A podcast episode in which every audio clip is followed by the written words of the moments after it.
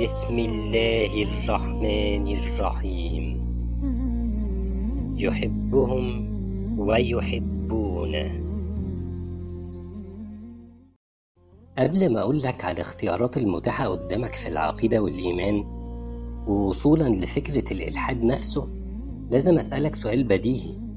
هل الناس تاريخيا بدأوا مؤمنين بربنا سبحانه وتعالى وبعدين اتفرعت المعتقدات لحد ما وصلنا للإلحاد؟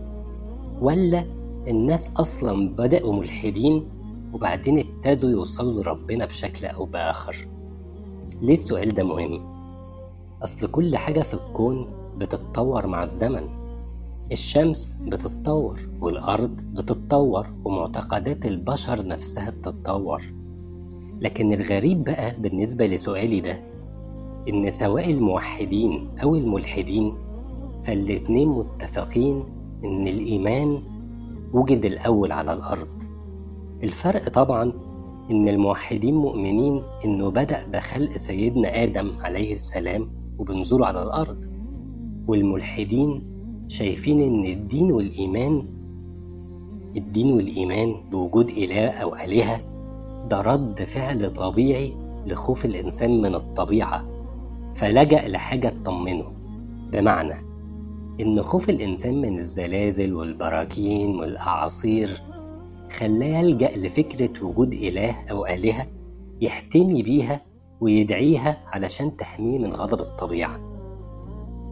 كده يبقى في إجماع على إن الإيمان وجد أولا على الأرض وبالتالي مفيش قدامنا غير إجماع أصحاب الديانات السماوية على إن سيدنا آدم عليه السلام وأمنا حواء نزلوا الأرض موحدين بالله الواحد الأحد لأن وقتها ما كانش في مجال أصلا إنه يعبد إله آخر غيره. أنا كده حطيتك على أول الطريق أو حطيت رجلك على أول سلمة علشان لو عاوز يعني ممكن تسرح بخيالك زي ما أنت عاوز. وتحكي لي أنت بقى بنفسك إزاي ممكن معتقد الإله الواحد الأحد ده يتطور من زمن سيدنا آدم عليه السلام إلى يومنا هذا. وهل مقبول عقليا إن البداية دي بتطورها وتقدمها ممكن بأي حال من الأحوال؟ توصلنا إن الإله الواحد الأحد ده يبقى اتنين أو تلاتة أو أكتر أو يبقى مش موجود أصلا. الملحدين بيقولوا آه ممكن والموحدين بيقولوا مستحيل. وبين الاتنين في معتقدات كتير. وأنا بقى هعرض لك النماذج اللي البشر على مر التاريخ قرروا إنهم بيها هيطوروا ويحسنوا معتقد الإله الواحد الأحد. ده أولا عندك مجموعة في آسيا وأفريقيا وفي أجزاء من أستراليا وحتى كانت موجودة في أمريكا الشمالية والجنوبية. ومش مهم خالص على فكرة المجموعة دي كان اسمها إيه. ولا أي مجموعة تانية. المهم فكر المجموعة إيه. فالمجموعة دي قرروا إن الإله ده لازم يبقى حاجة يشوفوها بعينيهم ما ينفعش يعني يبقى حاجة غيبية كده يؤمنوا بيها من غير ما يشوفوها. فقرروا يختاروا رمز للإله ده ويبقى هو ده الحاجة المقدسة اللي يروحوا لها ويكلموها ويدعوها. كان الرمز ده بقى شجرة أو حجر. أو حتى حيوان مش مهم. المهم إن الإله يبقى حاجة ملموسة قدام عينيهم. ويذبحوا بقى للإله الرمز ده. يذبحوا له حيوانات ويقدموا له هدايا علشان يحقق لهم مطالبهم. ومفيش مانع كمان إنه يبقى فيه تخصص.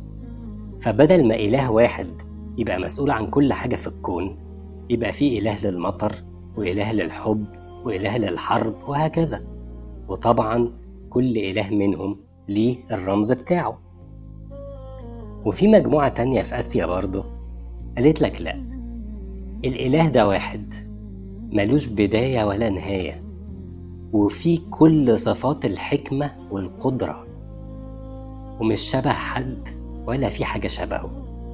كلام جميل بصراحة وكمان شبه تعريف الله عند المسلمين. اللي من ضمن صفاته الأول والآخر والحكيم والقدير. وبنص القرآن ليس كمثله شيء. يعني تحس وكأن تعريف الإله ده عند المجموعة دي رغم إن معتقدهم ده مش من ضمن الديانات السماوية. إلا إنك تحس إن مصدره كده وتعريفه سماوي. لحد ما تعرف إن حسب اعتقاد المجموعة دي الإله ده بيتجسد في الأرض بروحه في هيئة إنسان أو حيوان يعني ممكن الإله روحه تتجسد فيك أنت شخصيا أو في أي حيوان ماشي في الشارع أو في جنينة الحيوانات مثلا ها إيه رأيك في الاختيار ده؟ ما هو أنا هفضل أحكي لك عن الديانات والمعتقدات اللي موجودة على كوكب الأرض علشان تعرف معنى مقولة الحمد لله على نعمة الإسلام وكفى بها نعمة. رب اغفر وارحم وأنت خير الراحمين.